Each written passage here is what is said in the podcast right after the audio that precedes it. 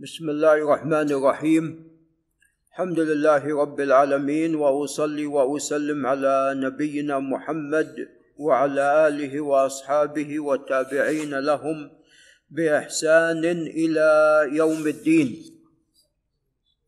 اما بعد فقال المصنف رحمه الله تعالى وهو مجد الدين ابو البركات بن تيميه في كتابه المنتقى قال باب غسل المغمى باب غسل المغمى عليه إذا أفاق.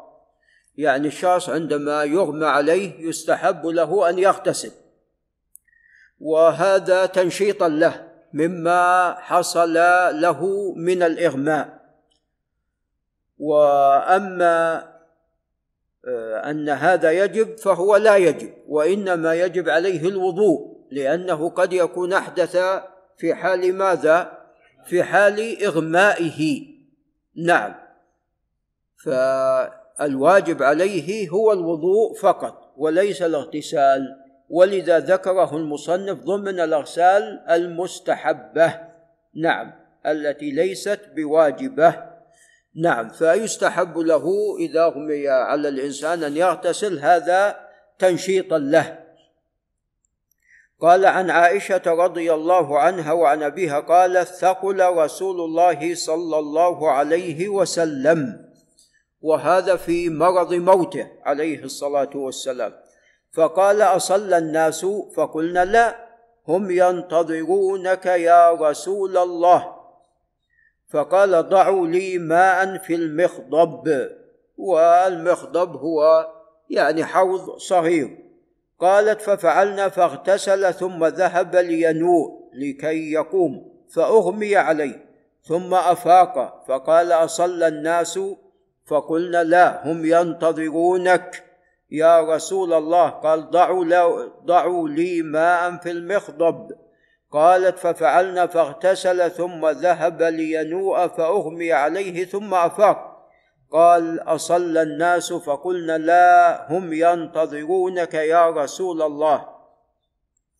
قال فذكرت إرساله إلى أبي بكر عندما وجد عليه الصلاة والسلام أنه يصعب عليه أن يصلي بالناس وأن يخرج إليهم. أرسل إلى أبي بكر حتى يصلي ماذا؟ بالناس. نعم.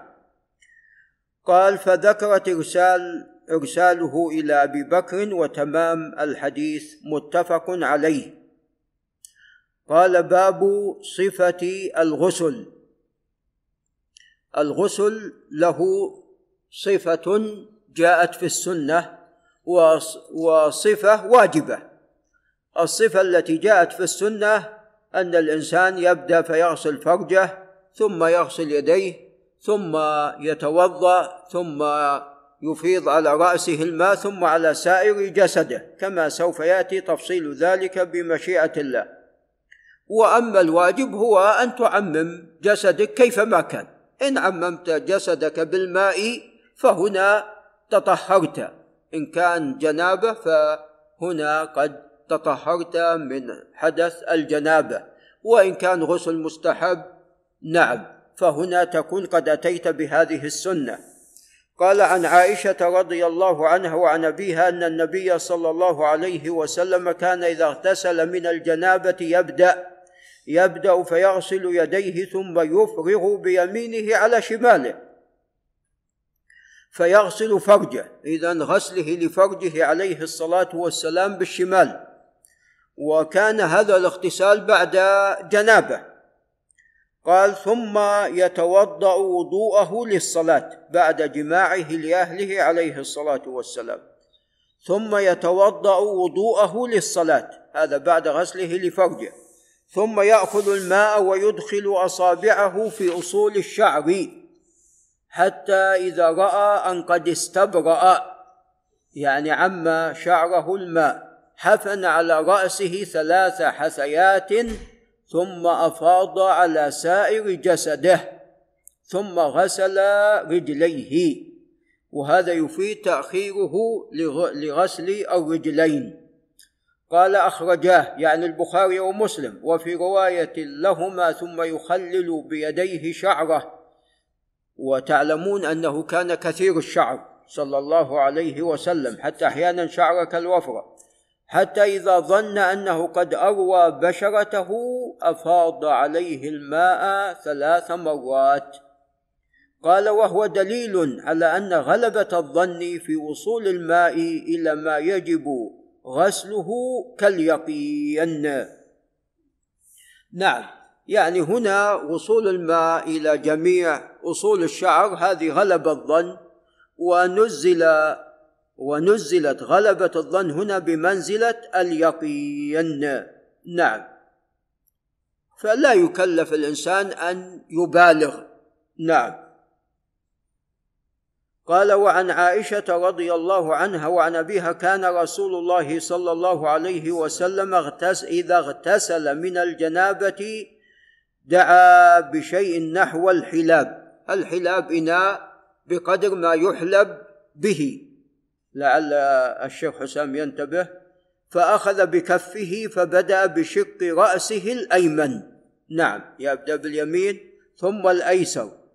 وهكذا أيضا في الحلق أمر الحلاق بأن يبدأ باليمين. ثم أخذ بكفيه فقال بهما على رأسه.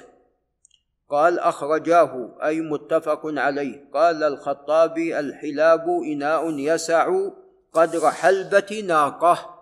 نعم. قال وعن ميمونة رضي الله عنها قالت وضعت للنبي صلى الله عليه وسلم ماء يغتسل به وطبعا حديث ميمونة فيه تفاصيل أكثر فيه تفاصيل بعض التفاصيل التي لم تأتي في حديث عائشة. وضعت للنبي صلى الله عليه وسلم ماء يغتسل به فأفرغ على يديه فغسلهما مرتين أو ثلاثا. ثم أفرغ بيمينه على شماله فغسل مذاكيره. هنا غسل اليدين قبل ثم غسل ذكر عليه الصلاة والسلام بشماله ثم دلك يده بالأرض ثم مضمض واستنشق. وأكيد عندما دلك يده بالأرض غسلها. ثم مضمض واستنشق ثم غسل وجهه ويديه ثم غسل رأسه ثلاثا. ثم أفرغ على جسده ثم تنحى من مقامه فغسل قدميه. فأخر عليه الصلاة والسلام غسل القدمين. قالت فأتيته بخرقة فلم يردها. خرقة يتنشب بها فلم يردها وجعل ينفض الماء بيده عليه الصلاة والسلام. رواه الجماعة وليس لأحمد والترمذي نفض اليد. قال وفيه دليل وفيه دليل استحباب دلك اليد بعد الاستنجاء. التراب طهور. نعم. وقد وجد الآن أن التراب يزيل الجراثيم والبكتيريا. نعم. حتى يقولون أن يريدون أن يصنعون شيء من التراب حتى يكون بمثابة المضاد أو نحو ذلك. نعم والإسلام قد سبقهم إلى ذلك. نعم ولم يرد الخرقه عليه الصلاة والسلام. يعني هذا قد لا يقال يعني إن لا يستحب للإنسان أن يتنشف بالخرقه يعني لا ندري هنا ما السبب قد يكون تعلمون يعني الحجاز حار وقد يكون هذا في الصيف والإنسان إذا اغتسل وجاله الهواء نعم الهواء طبعا غير البارد يتنشط ماذا؟ نعم يتنشط الجسم زيادة. نعم. نعم يتنشط الجسم نعم زيادة. فقد يكون يعني لهذا أو لغيره وبعضهم استدل بإتيان ميمونة بخرقة أنه كان الأصل ماذا؟ يتنشف نعم. وفي الشتاء الإنسان محتاج. نعم في الشتاء الإنسان محتاج أن يتنشف وإلا قد يتضرر. نعم. قال وعن عائشة رضي الله عنها وعن أبيها قالت كان رسول الله صلى الله عليه وسلم لا يتوضأ بعد الغسل. نعم لأنه قد توضأ قبل رواه الخمسة. قال وعن جبير بن مطعم رضي الله عنه قال تذاكرنا غسل الجنابة عند رسول الله صلى الله عليه وسلم. فقال أما أنا فآخذ ملء فآخذ ملء كفي فأصب على رأسي ثم أفيض بعد على سائر جسدي.